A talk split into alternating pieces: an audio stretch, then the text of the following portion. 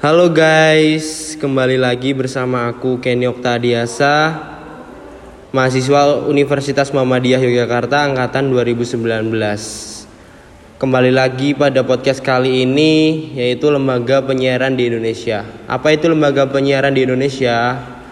Yang pertama, lembaga penyiaran publik atau LPP adalah lembaga penyiaran yang berbentuk badan hukum yang didirikan oleh negara, namun bersifat independen, netral, dan tidak komersil, serta berfungsi memberikan pelayanan untuk masyarakat. Di tingkat kota atau kabupaten bisa didirikan LPP lokal.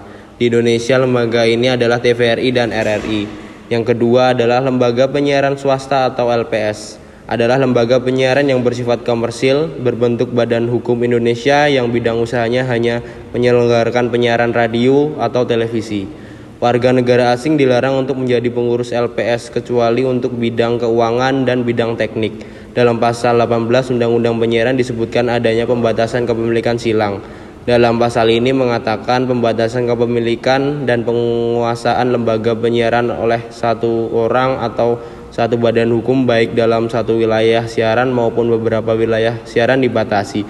Kemudian ayat selanjutnya menyebutkan kepemilikan silang antara LPS yang menyelenggarakan jasa penyiaran radio dan LPS yang menyelenggarakan jasa penyiaran televisi antara LPS dan lembaga perusahaan media cetak serta LPS dan LPS lainnya baik secara langsung maupun tidak tetap dibatasi. Hal ini memiliki tujuan untuk mencegah terjadinya pemutus pemusatan kepemilikan maupun kepemilikan silang.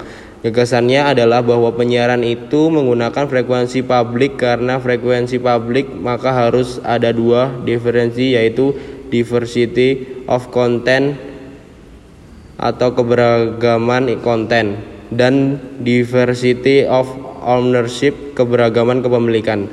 LPS ini mendapatkan biaya untuk produksinya berasal dari siaran iklan dan atau usaha lain yang sah terkait dengan jasa atau penyelenggaraan penyiaran. Yang ketiga yaitu penyelenggara lembaga penyiaran komunitas atau LPK adalah lembaga penyiaran yang berbentuk badan hukum Indonesia didirikan oleh komunitas tertentu bersifat independen, tidak komersil dengan daya pancar yang rendah, luas, jangkauan terbatas, dan melayani komunitasnya. LPK ini dibatasi dengan tidak boleh mencari laba, tidak boleh menjadi bagian perusahaan untuk mencari keuangan semata, karena gagasannya adalah untuk mendidikan dan memajukan masyarakat mencapai kesejahteraan dengan melaksanakan program acara yang meliputi budaya, pendidikan, informasi yang isinya adalah mengabarkan identitas bangsa.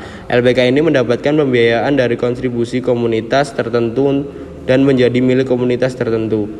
LPK ini mendapatkan sumber pembiayaan dari sumbangan, hibah, sponsor, dan sumber lain yang tidak mengikat.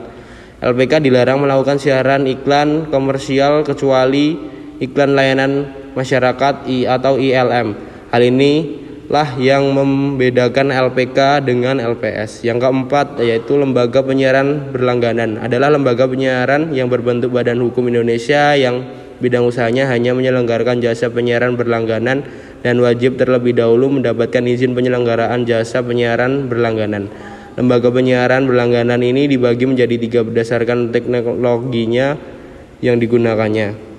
Pertama, berlangganan melalui satelit, contohnya MNC Skyvision, Transvision, Kompas Vision, dan lainnya. Kedua, berlangganan melalui kabel, contoh fiber optik dan jaringan telkom. Ketiga, lembaga penyiaran berlangganan terestrial.